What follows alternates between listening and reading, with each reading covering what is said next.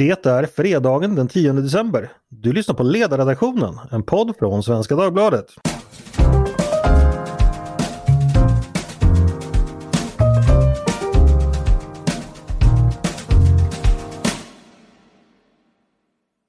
Varmt välkomna hörni! Dags för ändå en fredagspodd från oss på Svenska Dagbladets ledarredaktion. Jag hoppas ni har det bra i slasket. Jag heter Andreas Eriksson och som vanligt på fredagar har jag med mig mina kollegor som ska berätta för oss andra fåkunniga vad man ska tycka och tänka och tro om veckans händelser. Med mig exempelvis har jag Peter Wennblad, välkommen hit! Tack så mycket! Hur mår du? Det är bra, känns bra att vara tillbaka. Jag har ju haft några veckors eh, frånvaro från fredagspanelen så att jag är taggad. Exakt och jag kan säga att det tomrummet har märkts. Mattias Svensson, du är med också, välkommen! Tack så mycket! Och jag ska passa på att ta tillfället i akt och be dig om ursäkt för de lögner om dig jag spred ut förra veckan. Minns du det? jag har blivit påmind. Ja, jag sa då i förra veckan att Mattias tillhör ett, eh, att han skulle vara centerpartist och det är naturligtvis vansinnigt befängt. Det vet alla som känner Mattias eller känner till honom. Så att eh, nu tar vi tillbaka det. Det var menat som ett skämt, men vissa saker skämtar man helt enkelt inte om. Så att eh, här är det ursäkten framför Mattias. Känns det okej? Okay? Ja, men det var ju fint. Jag har ju röstat på dem ett par gånger, men eh, eh jag tycker kanske inte att jag ska bli identifierad med, med något parti. Det är väl lite av poängen med att vara en oberoende ledarsida. Och med oss också har vi Paulina Neuding. Välkommen hit! Tack så mycket! Hur mår du denna Nobelfredag? Jag mår mycket bra, tack. Hur mår du? Ja, ja, jag mår alltid bra. Hörni, vad bra att ni är på plats. Då tycker jag vi drar igång direkt med veckans händelser. Och jag undrar om inte Peter ska börja, för du har ju, vet jag, funderat lite kring det här med att vi har fått återigen nya eh, order om hur vi ska bete oss i pandemin och det är du lite tveksam inför. Berätta! Ja, det handlar väl just om att jag inte direkt skulle kalla det för order. um, jag du, tänker, saknar, du saknar den fasta handen. ja, ja jag, jag, känner, jag känner nu att jag grävde en grop åt mig själv här. Men jag tycker så här, oavsett vad man tycker om, eh, om råd och restriktioner så är min bestämda uppfattning att de ska vara tydliga. Eh, och jag kan ju konstatera att snart två år in i den här pandemin så har ju Folkhälsomyndigheten fortfarande obegripligt svårt att uttrycka sig på begriplig svenska. Okay. Eh, jag tror att det är eh, otaliga chefer i, i svenskt arbetsliv som den här veckan har ägnat tid åt att försöka uttolka vad de här råden och rekommendationerna egentligen betyder. Det är ju den där typen av formuleringar om att man ska undvika större grupper inomhus. Eh, och, eller att göra det möjligt för anställda att för anställda att jobba hemifrån i viss utsträckning om det är möjligt. Eh, alltså som egentligen... Jag tror att det hade, i det här läget när svenskarna är så pass pandemitrötta som vi är så hade det nog varit ett effektivare sätt att bara säga smittspridningen ökar, gör vad ni kan. Mm. Istället för att komma med de här obegripligheterna som bara gör en ännu mer frustrerad och trött. Men vad beror det här på då, tror du? Att man uttalar sig så diffust? Ja, jag tror att det handlar om, för det här har ju varit ett mönster rakt igenom eh, hela pandemin. Jag skriver om det i tidningen idag, listar de sex klart mest oklara ögonblicken i, eh, under den här pandemin.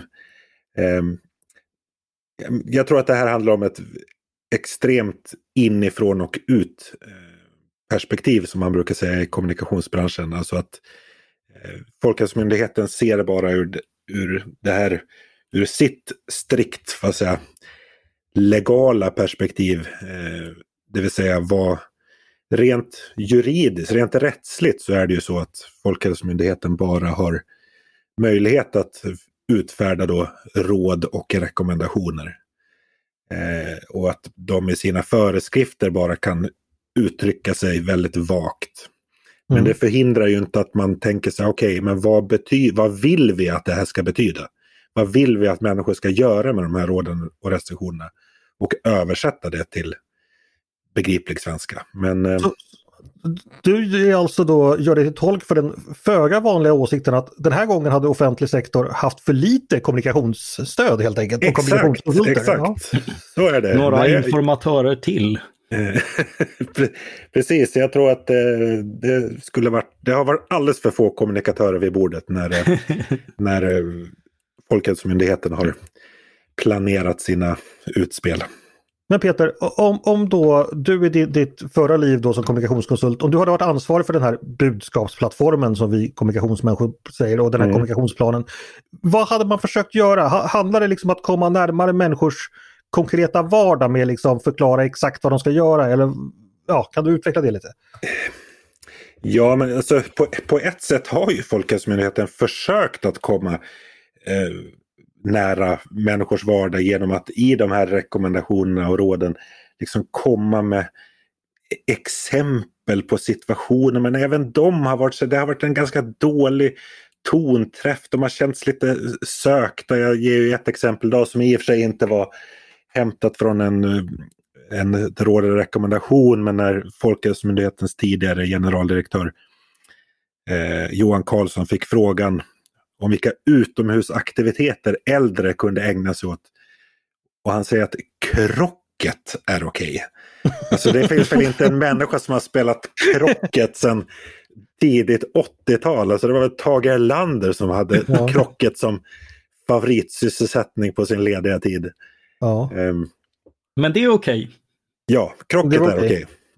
Men Mattias, du brukar inte vara någon vän av eh, flitigt kommunikationsanvändande eller kommunikatörsanvändande i offentlig sektor. Håller du med Peter om att man ändå skulle ha filat lite på sina budskap här? Ja, det, det är lite grann sådär hur man än vänder sig så har man ändan bak. Därför att, mm. eh, därför att när, när, man slår fast sådana här eh, bestämda grejer, eh, då får man ju de här diskrepanserna mellan olika, eh, som när Eh, Peter tar ju upp ett sådant exempel när man var exakt, liksom, då blev det att en person får äta eh, vid varje bord om restaurangen ligger en i en galleria men fyra personer vid samma bord tillåts. I en eh, galleria eh, som saknar egen entré. Mm. Ah, till och med så.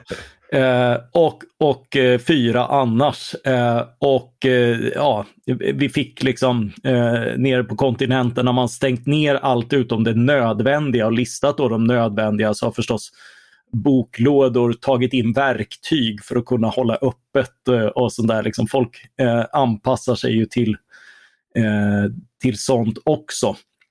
Eh, så, så det, blir, det blir svårt hur man än gör. Liksom. Eh, und, undvik trängsel, eh, sådär. ja då kan man slå fast liksom, ja, eh, folksamlingar på över 100 personer men det beror ju på liksom, hur stor är salen, hur många toaletter finns, hur, hur ser vägarna in ut och sådär. Så, så man förstår ju av det också att, eh, att, att det man vill uppnå inte fångas av något enkelt mått. Det är ju det, det är klassiskt men det är klart att eh, ja, det, det är svårt att undvika förvirring hur det än är, särskilt som som vår kunskap är, är in, inexakt också. John Major sa ju det att, eh, att eh, om en svår uppgift att det blir som att försöka spika upp en aladåb i taket.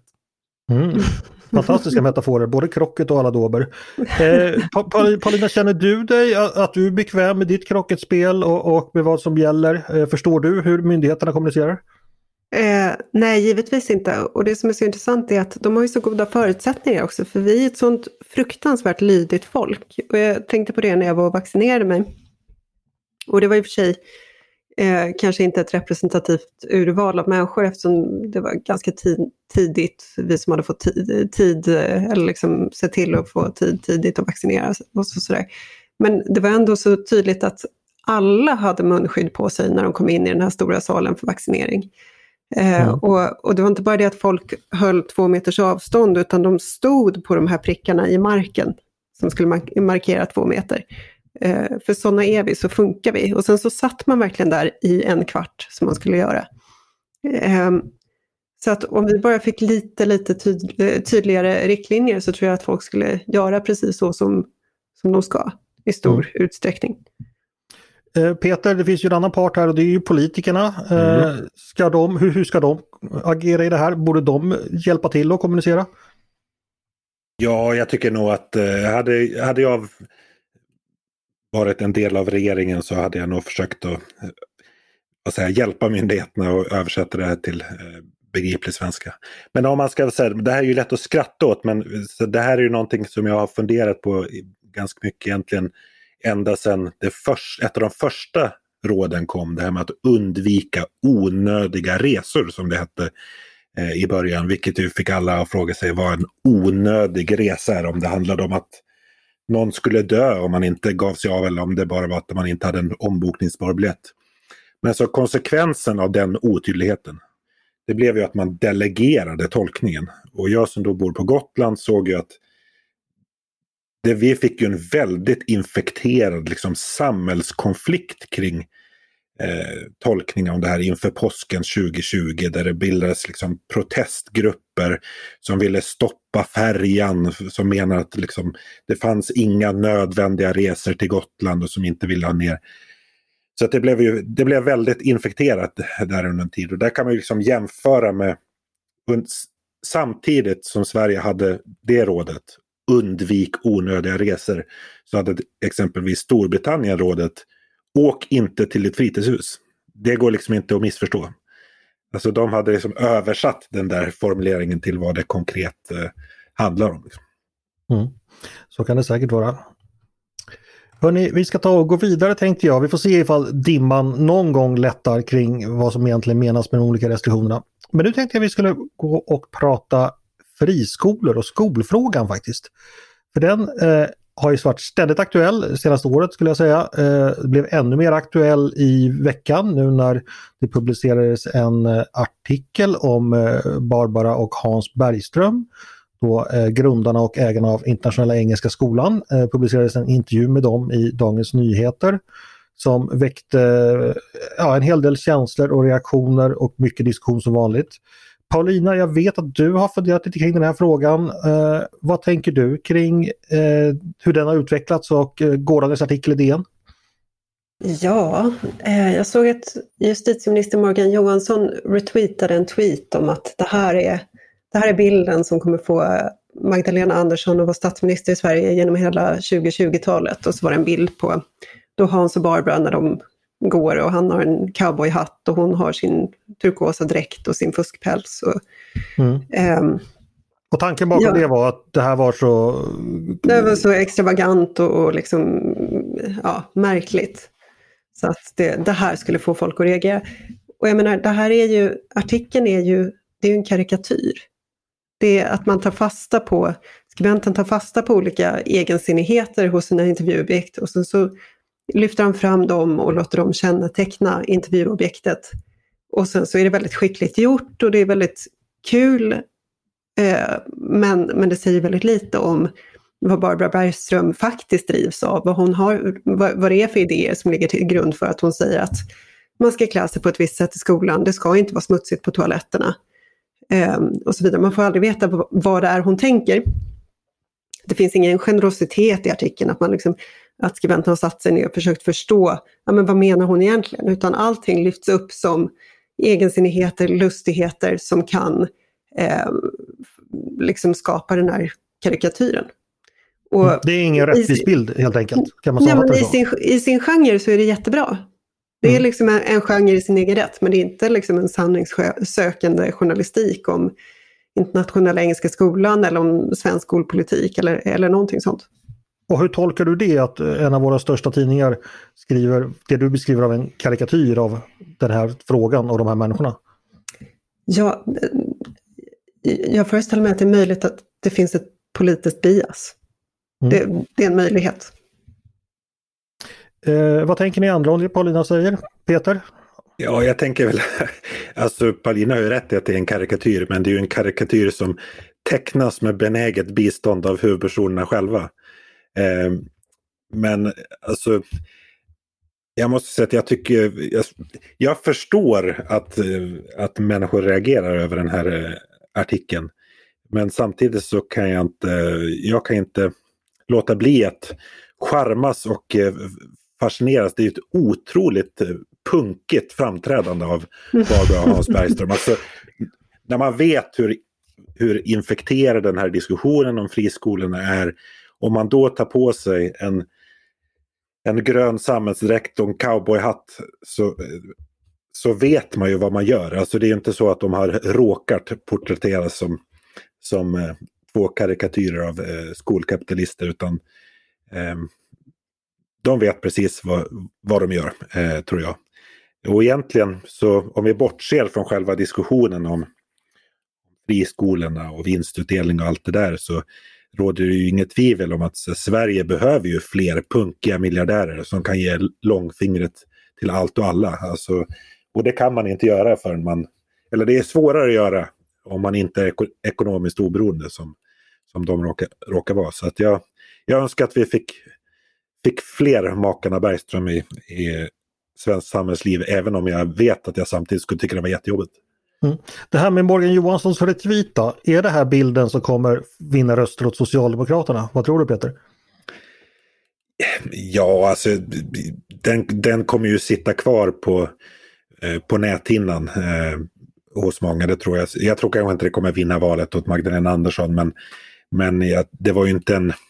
Det, för oss som i grunden vill se fritt skolval och, och tror på på friskolesektorn så det underlättade ju inte för oss precis. Mm. Paulina, vad tänker du? En karikatyr med benäget eh, bidrag av de som eh, avbildas samt att de gör det här med, med öppna ögon som i punkens namn. Vad tänker du om det? Alltså vi, jag skrev en artikel ganska nyligen på ledarsidan om problemen med friskolorna och vinsten och, och avarterna. Jag skrev om den här eh, eh, skolan där skolledaren har visat sig, eller man har känt till att han är aktiv i ett islamistiskt parti i Somalia, att han, har, han är nu misstänkt för att ha eh, slussat medel, skolpeng, eh, till sitt islamistparti i Somalia. Eh, många är, tycks vara mer upprörda över det de läste i DN igår än över, över den där andra historien. Det kan man ju eh, det, det, är lite anmärkningsvärt. Men det finns en massa avarter och det finns också en massa problem med betygsinflation till exempel. Det finns problem med att man gör elever och föräldrar till kunder. Massor med mm. saker som behöver diskuteras. Men just Engelska skolan är ju, eh, de har ju faktiskt stått för en hel del innovation som är bra och viktig och de är väldigt uppskattade av elever och föräldrar. Och bara en sån här sak att den, denna eh, Barbara Bergström, denna miljardär, eh, går ner och börjar plocka upp på toaletten därför att hon anser att smutsiga toaletter kommer, eh, kommer leda till problem på en massa andra sätt. Det har hon ju helt rätt i, det fattar ju de som läser DN också. Mm. Eh, så att det här med ordning och reda, respekt för institutionen, man säger god morgon när man ser varandra och så vidare. Eh, väldigt många tycker att det är helt rätt och att Engelska skolan har stått för någonting som är väldigt viktigt. Mm. Så att, ja. Men kan det vara så här då? Eh, säg att det är som eh, du säger då att det finns en eh, bias bakom här och att det här liksom är ett hitpiece som ska då framställa eh, Engelska skolan och dess grundare som kanske inte är alldeles fördelaktig dager. Och så tycker man på Twitter att det här är jätteroligt och det är en väldigt lyckad karikatyr. Men hemma sitter vanligt folk och tänker att ja, men det här är ju ganska rimligt. Den här skolan verkar ganska bra, där vill jag sätta mina barn. Kan det vara så? Jag tror att många som läser det här, de, de tar fasta på de där grejerna. Jaha, det här är en skola där man, man ska säga god morgon klart och tydligt till den mm. som har grundat skolan när man går förbi. Det är ju jättebra. Mm. Um, så att, jag menar, om man är, om man är mer liksom politiskt radikal så kan man tycka att det är suspekt. Men jag tror att rätt många vanliga människor tycker att det där är toppen. Politiskt radikal, det var någon som ropade på dig Mattias. Eh, berätta, vad, vad, tycker du om detta? ja, alltså Eh, det, det, är ju eh, en, en, skola som, eh, som verkligen inte framstår som min kopp te.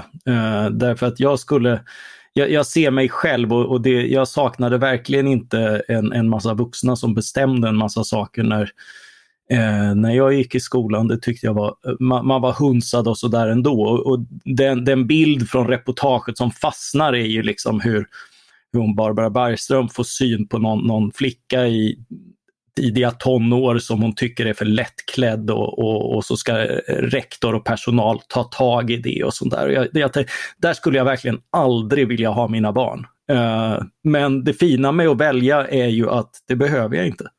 Uh, hade det här varit, varit den offentliga modellen så hade alla varit tvungna att följa det. Uh, alla hade varit tvungna att jobba så här, alla hade varit tvungna att prata engelska, alla hade liksom kunnat liksom bli omförhörda om de inte hälsade riktigt rätt eller piggt och sådär. Eh, och, och var, var, just det här att, att ja, eh, det här passar tydligen eh, en del elever. Folk som går där är nöjda. Eh, de, eh, eh de, de, får resultat och så, eh, men eh, det passar verkligen inte alla. Eh, och eh, det är ju liksom på något sätt ändå, plus att precis som Peter så tilltalas ju i min, eh, min milska själ av, av just liksom den här obekymrade excentriciteten och liksom man har en helt egen idé, man går helt in för den. Alltså inklusive det här Paulina beskriver, det ska inte vara skräpigt. Punkt. Mm. Alla har ett ansvar för det. Högsta chefen har ett ansvar för att plocka upp om det är skitigt. Alla, den delen gillar jag. Eh, och, och liksom att, att, att man med själ och hjärta får gå in och utforma en verksamhet efter sitt eget huvud Eh, det, det var ju också en av, en av grundtankarna. Eh, det, det, tycker jag är rätt fint och, och, det tycker jag ändå syns i, i reportaget. Sen, sen som sagt, alla behöver inte dela det och, och det fina är, det måste man inte. Okay. Mm. Hon, att Barbara Bergström fortfarande brinner för det här, det är ju helt uppenbart i det där reportaget också. Det, hon, hon, behöver ju inte, det är inte så att hon behöver arbeta längre uppenbarligen, utan hon gör det här därför att det, det är hennes livsverk och något hon tror på. Men hörni, nu, nu får jag bara ta fram liten åsikt här. Det här med, vad var de så jäkla excentriska? Alltså bära hatt och kanske eventuellt någon färgglad klänning. Alltså, alltså herregud, är det 80-tal fortfarande? Kan vi inte, så jävla konstigt betedde de väl inte? Eller? Det var ju 80-tal, det var ju en av de, eh, de fina sakerna. Det var ju grälla färger och ja, man saknade jo. bara axelpuffarna. Jo, men jag, jag, alltså jag, jag tänkte så här eh, också liksom att det, det, var väldigt mycket fokus på utseende. Det var så knäppt att ha den här slipsen och den här... Eh, jag tänkte herregud, det kan man väl bjuda på att folk väljer att klä sig lite olika. Det, ja, ja det, är ju, det är ju snarare talande hur, hur lätt det är att sticka ut i Sverige. Ja, ja precis. Men bara sätta på sig en cowboyhatt kan ju liksom den, det kan ju, skulle ju till och med jag kunna sticka ut om jag... Ja, men det, säger, det säger också någonting om hur starkt bildens språk är. Alltså hade mm. det, läser man det här reportaget utan bilder så är, är det ju inte alls samma chockverkan man säger. Då, fast, då, fast det här att man torkar sig jo, på... Ab absolut, men, men apropå det vi pratade om tidigare med, så här, men är det så att de som läser det här tänker att det Hans och Barbara säger är vettigt. Eh, så tror jag, ja, alltså en hel del av det de säger är vettigt, men tillsammans med bilderna så blir det lite svårt att ta till sig. Men precis som Mattias säger, det här säger ju också om hur lätt det är att... Och, alltså vi är så vana med att makthavare av, oavsett om de är i politiken eller någon annanstans, är så vad säger, medietränade att de flyter, flyter ut i bilden. Liksom. Mm. Det, en, en sak jag reagerade på det var att om man läser artikeln så innehåller första tredjedelen eller första halvan så här, innehåller ju väldigt mycket miljöscener, alltså anekdoter, beskrivningar medan deras resonemang kommer ju ganska långt ner i artikeln. Eh, så det är liksom, det kan vara ett sätt hur man, hur man då väljer att teckna en bild, att man, är, man börjar liksom med de här små berättelserna om att man torkar sig på tröjan och att man gör det och det på toaletten och sen så får liksom så att säga intervjuobjektet mot slutet tala i egen sak. Eh, det kan man naturligtvis göra men, men det, det, är ju sagt ett olika val man kan ha, olika sätt att skriva en artikel när man berättar en historia. För en, en artikel är ju aldrig en exakt eh, bild av verkligheten, det är en avbildning av verkligheten där man liksom så att säga väljer bort vissa saker och väljer till vissa saker. Jag vet inte om ni tänkte på det också, att det var, det var så den var uppbyggd? Ja, absolut. Och jag tror jag misstänker att Björn af Kleen kanske inte hade den här... Det här var inte vad säger, att han såg framför sig att han skulle skriva när han åkte dit. Men när, när man som journalist ställs inför de här scenerna, det är ju liksom det är ju oemotståndligt. Jag tror att eh, vi nog alla skulle ha gjort eh, ungefär samma, samma val i den situationen. Ja, alltså har man en friskolegrundare nere på ett toalettgolv då passar man ju på naturligtvis att ta en bild. Liksom. Det, ja. så, är, så är det. Eh, då ska vi gå vidare och prata om det vi som verkligen intresserar oss. För eh, friskolor och pan världsomspännande pandemier och, och så är det verkligt intressanta som har hänt i veckan. Det är ju naturligtvis det vi inte har skrivit om än men ändå har pratat om, det vill säga eh, Highlander, Highlandergate eller Highlander-skandalen som exploderade i veckan då sajten Nyheter Idag och Expressen kunde visa bilder på hur vår nyutnämnda civilminister Ida Karkiainen eh, som väldigt ung gör någonting som påstås eller liknar vara en Hitlerhälsning. Personligen så är inte jag så säker på det men det är i alla fall blivit den bilden som har satts. Och detta då i, i en lägenhet som hon delade med sin eh, sambo som då spelade i ett band eh, och där det också ska ha spelats vit maktmusik. Ja, ni har säkert hört historien själva, ni har säkert redan dragit våra, era slutsatser men vi måste ju prata om detta också. Och, och, Mattias, jag kan inte tänka mig någon bättre person än du att liksom börja prata om sådana här typer av olämpligheter och hur det tolkas. Så vad är din take på den här historien? Ja, som, som det ser ut så är det ju väldigt mycket en eh, en, en storm i ett vattenglas. Man, eh, jag, jag, tror att de flesta är, är nöjda med att liksom, politiker har varit unga och omdömeslösa en gång i, i livet innan, eh, in, innan de blir stora och tillträder ämbeten. Eh, och eh, med reservation för att det förstås kan, kan framträda mer så är det enda jag tycker är, är lite ansträngt den här hanteringen. Jag, jag tror inte på att hon på fester har gått och stängt av Ultima Thule. Det, det är sån här, eh, man, man överdriver liksom, men eh, om, om, nu, nu är vi inte samma generation, men alltså grejen är att det, det var ju helt an, annorlunda förr. Eh, jag är uppväxt med eh, Hitler i barnböcker. Eh, han, han dök upp i ramsor, han dök upp eh, i Fawlty Towers som när John Cleese får ett slag i huvudet eh, nazisymboler var Sex Pistols sätt att, att provocera eh, sin föräldrageneration som hade, hade besegrat tyskarna och sådär.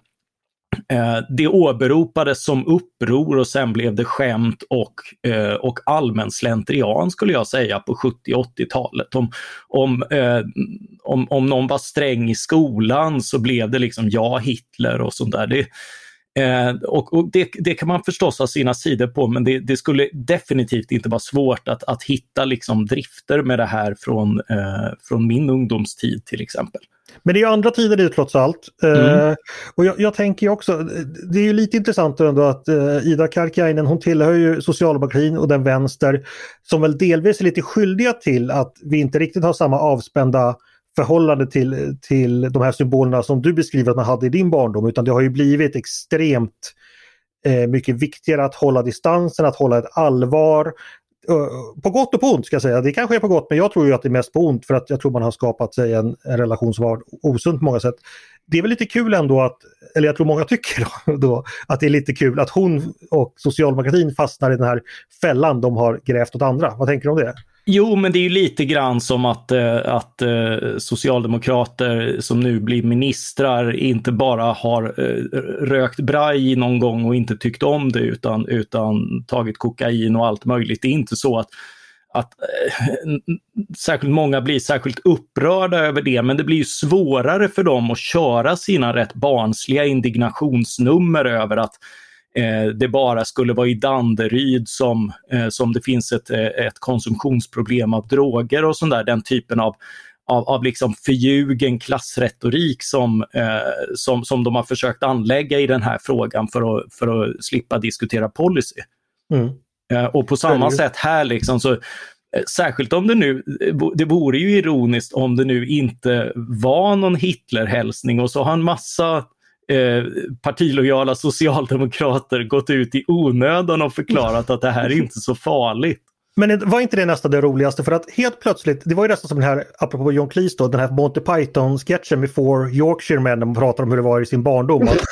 hela vänster-Twitter började berätta att ja, i min barndom, vi gjorde Hitler helst det varenda dag. Så här, Luxury, vi marscherade med facklor mot, mot uh, flyktingförläggningen. Det var man tvungen att göra. Du har inte varit ordentlig arbetarklass ifall du inte har bränt några flyktingförläggningar som barn och lyssnat på. Alltså det var helt fantastiskt hur plötsligt liksom, det var liksom det var närmast misstänkt att inte ha gjort eh, nazistsaluter och sjungit Die Fahne hoch och sådär. För då har du inte levt, levt ett liv bland arbetarklassen. För där det bara, gör man minsann så. Precis, det är bara i Danderyd man knarkar och inte gör Hitlerhälsning. Exakt. Nej, men, okej, nu, jag överdriver förstås. Fast Henrik Arnstad skrev om syntare från Östermalm som också hade eh, heilat. Så det... Ja okej, jo men det, det, det, det, är ju han då förstås. Paulina, vad, vad tänkte du säga? Ja men alltså hyckleriet är ju en sak, det är ju slående. Men det som är så jobbigt med den här woke-kulturen, det här att vi brukade ha en uppfattning om eh, bättring och att man kan bli förlåten om man har gjort någonting dumt. Alltså det är möjligt att hon sitter på den där bilden och, och pekar på en gardin, det vet vi inte. Ja, men, faktiskt, eh, men om, alltså, det, det men om det är så att hon skämtar eller är ironisk eller gör någonting som är så förbjudet som det bara kan bli och att det är liksom en stick i sammanhanget, det vet inte jag. Men vi kanske kan förlåta henne för det. Hon kanske är en bättre människa idag än vad hon var när hon var 15. Jag tror att de flesta av oss är bättre människor än vi var när vi var 15. Förhoppningsvis. Gud, ja. Ja. Nej, absolut inte. eh, men det, det, är någonting med det här, liksom, har du någonsin gjort någonting förgripligt så är det slut. Liksom. Mm. Det, det, finns ingen bättring. Jag skulle bara vilja föra in en, en, en, faktapunkt här som har stört mig lite. Det var ju att eh, civilministern påstod att, eh, att Ultima Thule var så jättestora vid den här tiden. Men bilden är faktiskt tagen 2003. Ultima Thule hade ju sin storhetstid 1993 och 1990. Ah, nu, nu kommer mm. min eh, lilla trivia-furir in här. De var jättestora 1994. De sålde guld. De var ju på Bert Karlssons skivbolag på den tiden. Eh, och då var de, skulle jag säga, mainstream. Sen föll de under slutet av 90-talet ut i periferin igen skulle jag säga. Och 2003 så då skulle jag nog ändå säga att jag hade blivit förvånad ifall jag hade hamnat på en fest där det spelades Ultima Thule. Mycket förvånad. Det hade jag inte blivit 1993 när jag själv gick i nian. Eh, mm. Det är i alla fall min bild av hur historien ser ut och det tycker jag man ska vara lite försiktig med. Ja, Ultima Thule det var väl liksom 1995? Som man ja, 1994. Ja, ja, något sånt. Eh, jag kan ehm. berätta att Källängens skola på, Lidingö när vi gick i nian och gjorde utflykt till eh, Drottningholm, då niorna tillsammans. På, på den eh, bandspelaren som var med, då spelades bland annat Ultima Thule. Och då var det faktiskt en eh, blyg och töntig pojke som protesterade men honom var det inte någon som lyssnade på. Men det gör ni mm. däremot nu för han sitter här och gör podd. Eh, och, eh, eh, Peter, vad, du är ju generationskamrat med mig och har ju blick för musiken. Eh, mm. Jag kan inte tänka mig att du har lyssnat på den här musiken med något vidare glädje men du känner förstås till den. Och vad tänker du om hela den här historien?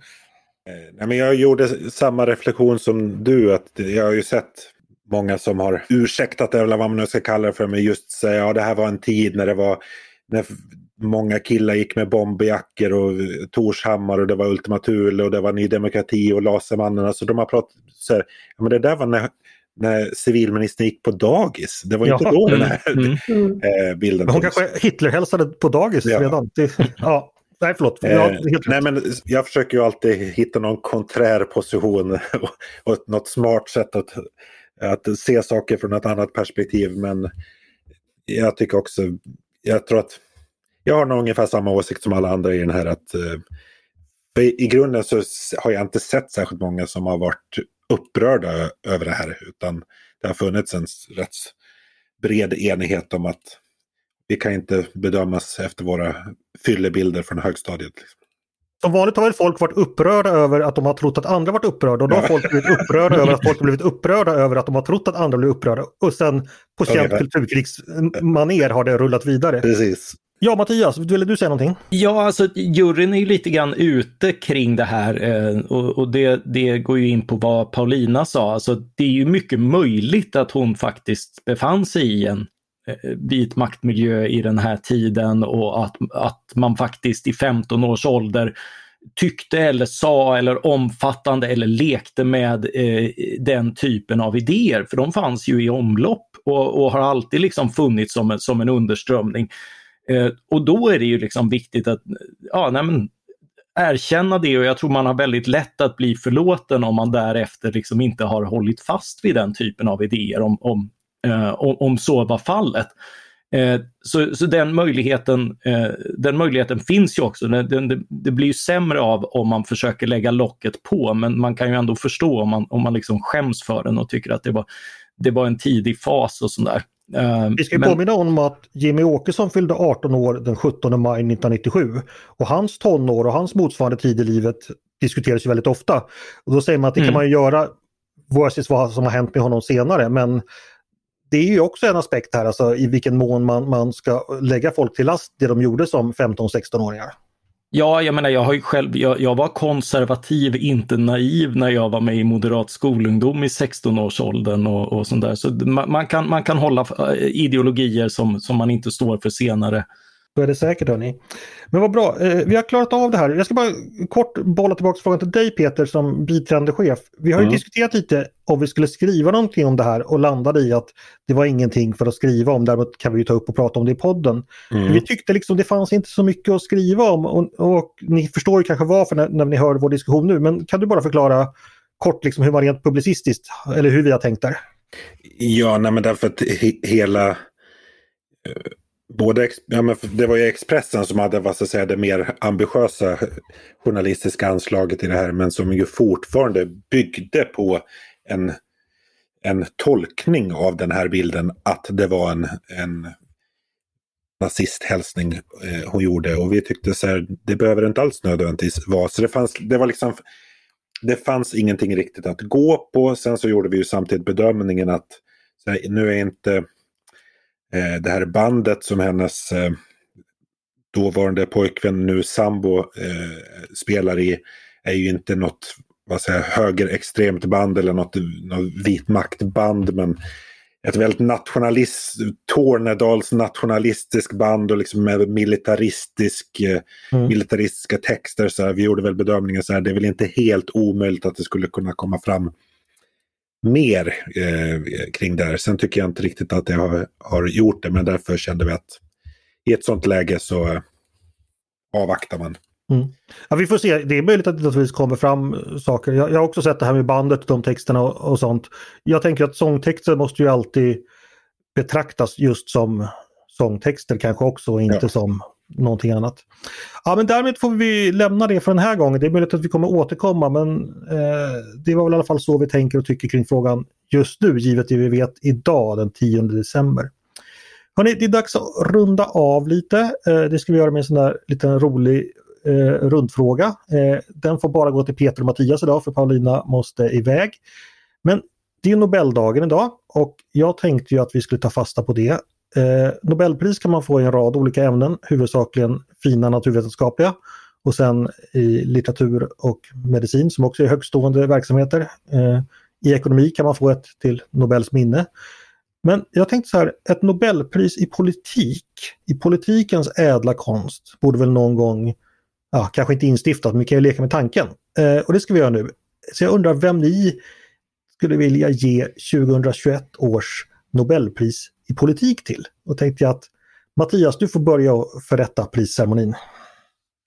Ja, grejen är att jag lyckades inte komma på någonting. Eh, det, de, all, alla mina idoler är döda.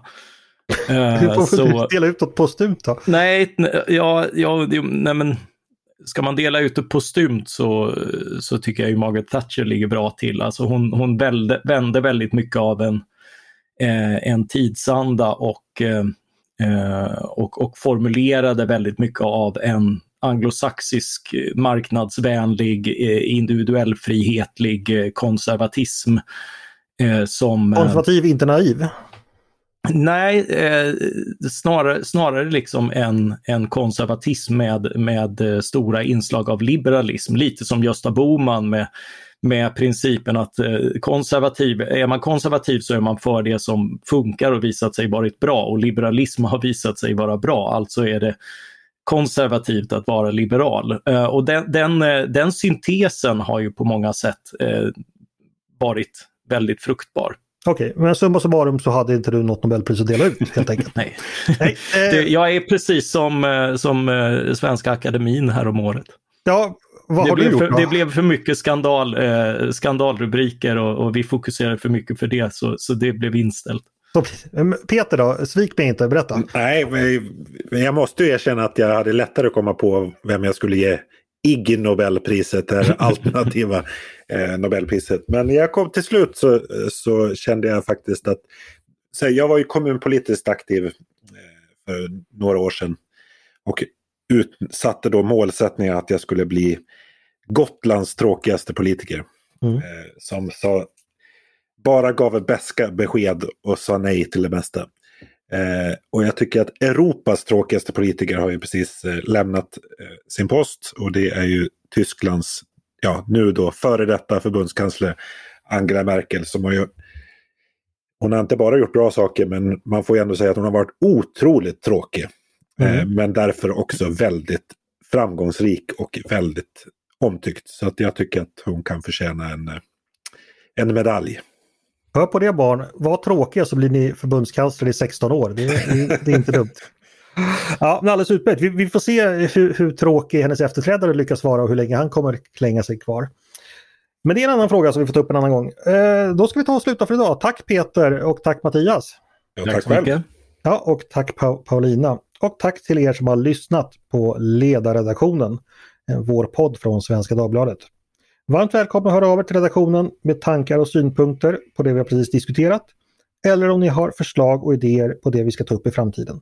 Då mejlar man bara till ledarsidan snabel svd.se. Stort tack för idag hörni! Eh, han som producerat idag, han heter Jesper Sandström. Själv heter jag Andreas Eriksson och jag hoppas att vi hörs igen snart.